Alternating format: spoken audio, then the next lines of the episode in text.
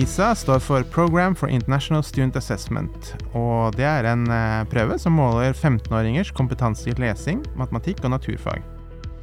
Elevene svarer på oppgaver innenfor eh, de tre fagområdene, i tillegg til spørreskjema med spørsmål om hjemmebakgrunn, interesser, holdninger og meninger de har om undervisningen, læringsmiljøet og skolen de går på. PISA-undersøkelsen blir gjennomført hvert tredje år, men ble utsatt fra 2021 pga. pandemien. Nå er resultatene fra 2022 klare. I studio har vi med prosjektleder for PISA i Norge, Fredrik Jensen, som er forsker ved Institutt for lærerutdanning og skoleforskning. Velkommen, Fredrik. Takk for det. Ja, jeg går rett på sak. Hva viser resultatene for PISA 2022?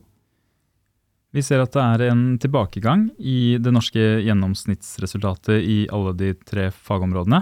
Og den tilbakegangen den er stor i matematikk og lesing, og så er den eh, noe mindre i naturfag. Og denne tilbakegangen i resultater det er ikke noe som er unikt for Norge, men det gjelder for eh, mange andre land. Og Vi ser også at det er flere lavtpresterende elever i alle de tre fagområdene. For så har denne andelen økt fra 19% i 2018 til 31% i 2022 i matematikk. Og det var sånn som du sa innledningsvis, at PISA blir vanligvis gjennomført hvert tredje år, men den var utsatt med ett år fra 2021 til 2022 pga. pandemien. Og Det betyr at de elevene som deltok i PISA 2022, de gikk på åttende trinn da pandemien startet, og de tok eh, prøven, eller deltok på PISA på tiende trinn rett i etterkant, eller helt på slutten av pandemien. Og Det betyr at alle de tre årene de gikk på ungdomsskolen, så var det eh, pandemi. Og eh, vi antar jo at eh, pandemien har hatt betydning for tilbakegangen i resultatene. Men eh, så er det også sånn at vi kan ikke si sikkert hvor mye som er pga. pandemi, og hvor mye som eventuelt skyldes andre faktorer. Nei, og det er, sånn jeg forstår det, fordi den prøven her gir, gir oss ikke informasjon om eh, årsaksforklaringer. Skjer A, så skjer B. Ja, det er helt riktig. Så det vi kan si sikkert, er at gjennomsnittsresultatet har gått tilbake. Men uh, vi kan ikke si noe sikkert om hva som er grunnen til det. Nei, og det er sånn jeg forstår forstått det, fordi dere kan ikke finne sånne årsaksforklaringer i, i denne undersøkelsen. Ja, altså Når det gjelder gjennomsnittsresultatet og hvordan det endrer seg over tid, så, er det, uh, så kan vi si med sikkerhet at det har endret seg så så mye. Men, uh, men vi kan dessverre ikke si noe sikkert om Eh, hva som er liksom årsaken til det. Nei. Men Var det noe som overraska dere over funnene?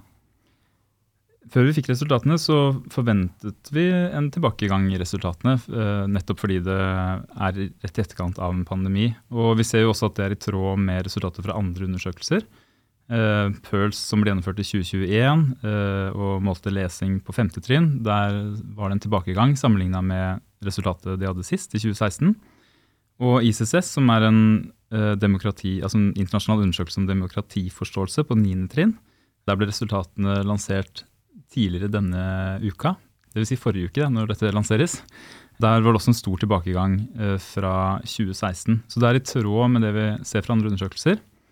Hvis det var noe som overrasket oss, så er det kanskje primært det at uh, tilbakegangen er litt større enn det vi kanskje hadde sett for oss. I 2022 er vi f.eks. på OCD-gjennomsnittet i matematikk og lesing, mens vi tidligere var over OECD-gjennomsnittet. Jeg forstår. Så det du sier er at dette, det er nedgang eh, på flere områder, og det er det andre, andre tester som også viser. En annen ting er dette med de lavpresterende elevene. Du sa jo at andelen lavpresterende elever har økt siden sist undersøkelse. Hva betyr det? Ja, så PISA definerte en nedre grense for hva elever bør ha med seg av kompetanse for å være godt forberedt på videre skolegang og utdanning. Og Det betyr at de lavestpresterende elevene i PISA de strever med å, eh, med å, løse relativt enkle oppgaver i de tre fagområdene. Og Bekymringen er rett og slett at denne gruppen ikke eh, er så godt forberedt som, eh, som, man skulle ønske, og at de kan få utfordringer når de ja, tar videre skole, skolegang og utdanning. Ja, Og de vil også kanskje få problemer i arbeidslivet, da? Eh, ja, altså det er jo, Bekymringen gjelder jo veien videre generelt. altså Både for skolegang, utdanning eh, osv. At de har større risiko for å få utfordringer. da. Ja. Forstår. Eh, skjermbruk i skolen er jo også mye diskutert. Eh, hva kan PISA-resultatene si oss om det? I de resultatene vi legger fram nå, så er det ikke så mye vi har som kan si noe om det. Eh, men vi har med ett resultat som er eh, knytta til spørsmålene elevene fikk i spørreskjema, som eh, handler om arbeidsro. Og Da ble det spurt om hvor ofte skjer dette i matematikktimene. Og Da kunne de f.eks. svare på hvor ofte er det bråk og uro. Og Denne gangen så ble det lagt til to nye sånne utsagn til spørsmålet, som handler om i hvilken grad elevene blir distrahert av å bruke digitale ressurser, f.eks. smarttelefoner, nettsteder, apper. Eh, og da er det 31% av de norske elevene som sier at det blir de i alle timene, eller de fleste timene. Og så er det et annet utsagn som ligner, men som er elevene blir distrahert av andre elever som bruker digitale ressurser, f.eks. smarttelefoner osv. Og, og da er det 25% av de norske elevene som uh, sier at det uh, blir de i alle timene eller de fleste timene nettopp. Uh, ja, i tillegg til å diskutere mm, PISA-resultatene generelt, så uh, vil jeg også spørre deg om hvordan resultatene kan brukes videre. Ja, PISA er jo en av de skoleundersøkelsene som, som vanligvis får mye oppmerksomhet i mediene. Og samtidig så er jo dette en av mange kilder til informasjon om norsk skole. Så jeg tenker at det er viktig å minne om at det er viktig å se resultatene i sammenheng med resultater fra andre studier. Og så er det også sånn at Gjennomsnittsresultatet det er jo det vi har snakket om nå også, eh, er det som ofte får mest oppmerksomhet.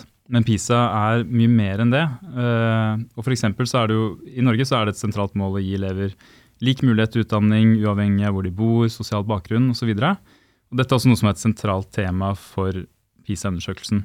Og Vi har resultater som handler om f.eks. betydningen av hjemmebakgrunn for prestasjoner, kjønnsforskjeller, hvor stor avstand det er mellom de høyest og lavest presterende elevene. Uh, og også, som vi har snakket om nå, altså andelen lavtpresterende. Uh, og alt dette så har vi mulighet til å se på hvordan det utvikler seg over tid i Norge, og vi har mulighet til å sammenligne med andre land. Og etter 2018 så ga vi ut en antologi med tittelen uh, 'Like muligheter til god leseforståelse'. Den kom litt mindre enn et år etter lanseringen av resultatene. Og vi vet at den er blitt mye lest og mye brukt i lærerutdanninger. Og vi tenker at den fortsatt er relevant å minne om også nå. Ja, og det, bare skyt, den heter det fordi lesing var fokusområdet for sist PISA-undersøkelse. Ja, det er helt riktig, og uh, det har vi kanskje ikke sagt nå, men matematikk er jo hovedområdet denne gangen. Så det betyr at uh, det med flere, var med flere oppgaver i prøven til elevene som handlet om matematikk, og også flere spørsmål i spørreskjemaet til elevene som handlet spesielt om matematikk.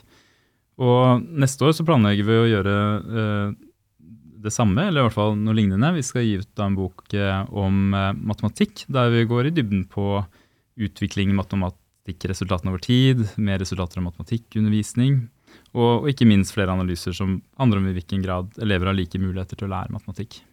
Ja, Så det er noe dere skal forske videre på, rett og slett? Ja, det er det. Så Eh, nå er det jo lansering av hovedresultater og en kortrapport som er ment å formidle bredt til alle som er interessert. Og så er det neste år hvor vi har virkelig muligheten til å gå i dybden i det som var i hovedområdet. Og da er det veldig mange flere resultater enn det som, eh, som eh, blir lansert nå i første omgang. Da. Ja, da gleder vi oss til en antologi om, med særlig da fokus på matematikk. Kortrapporten om funnene fra PISA 2022 finnes tilgjengelig nå på pisa.no. Du har hørt en episode av Læring. Programleder var Magnus Heie. Research var Magnus Heie og Monica Bjermeland. Produsent var Shane Colvin. Og du finner Læring der du vanligvis lytter til podkast. Mitt navn er Magnus Heie, og jeg sier takk for nå.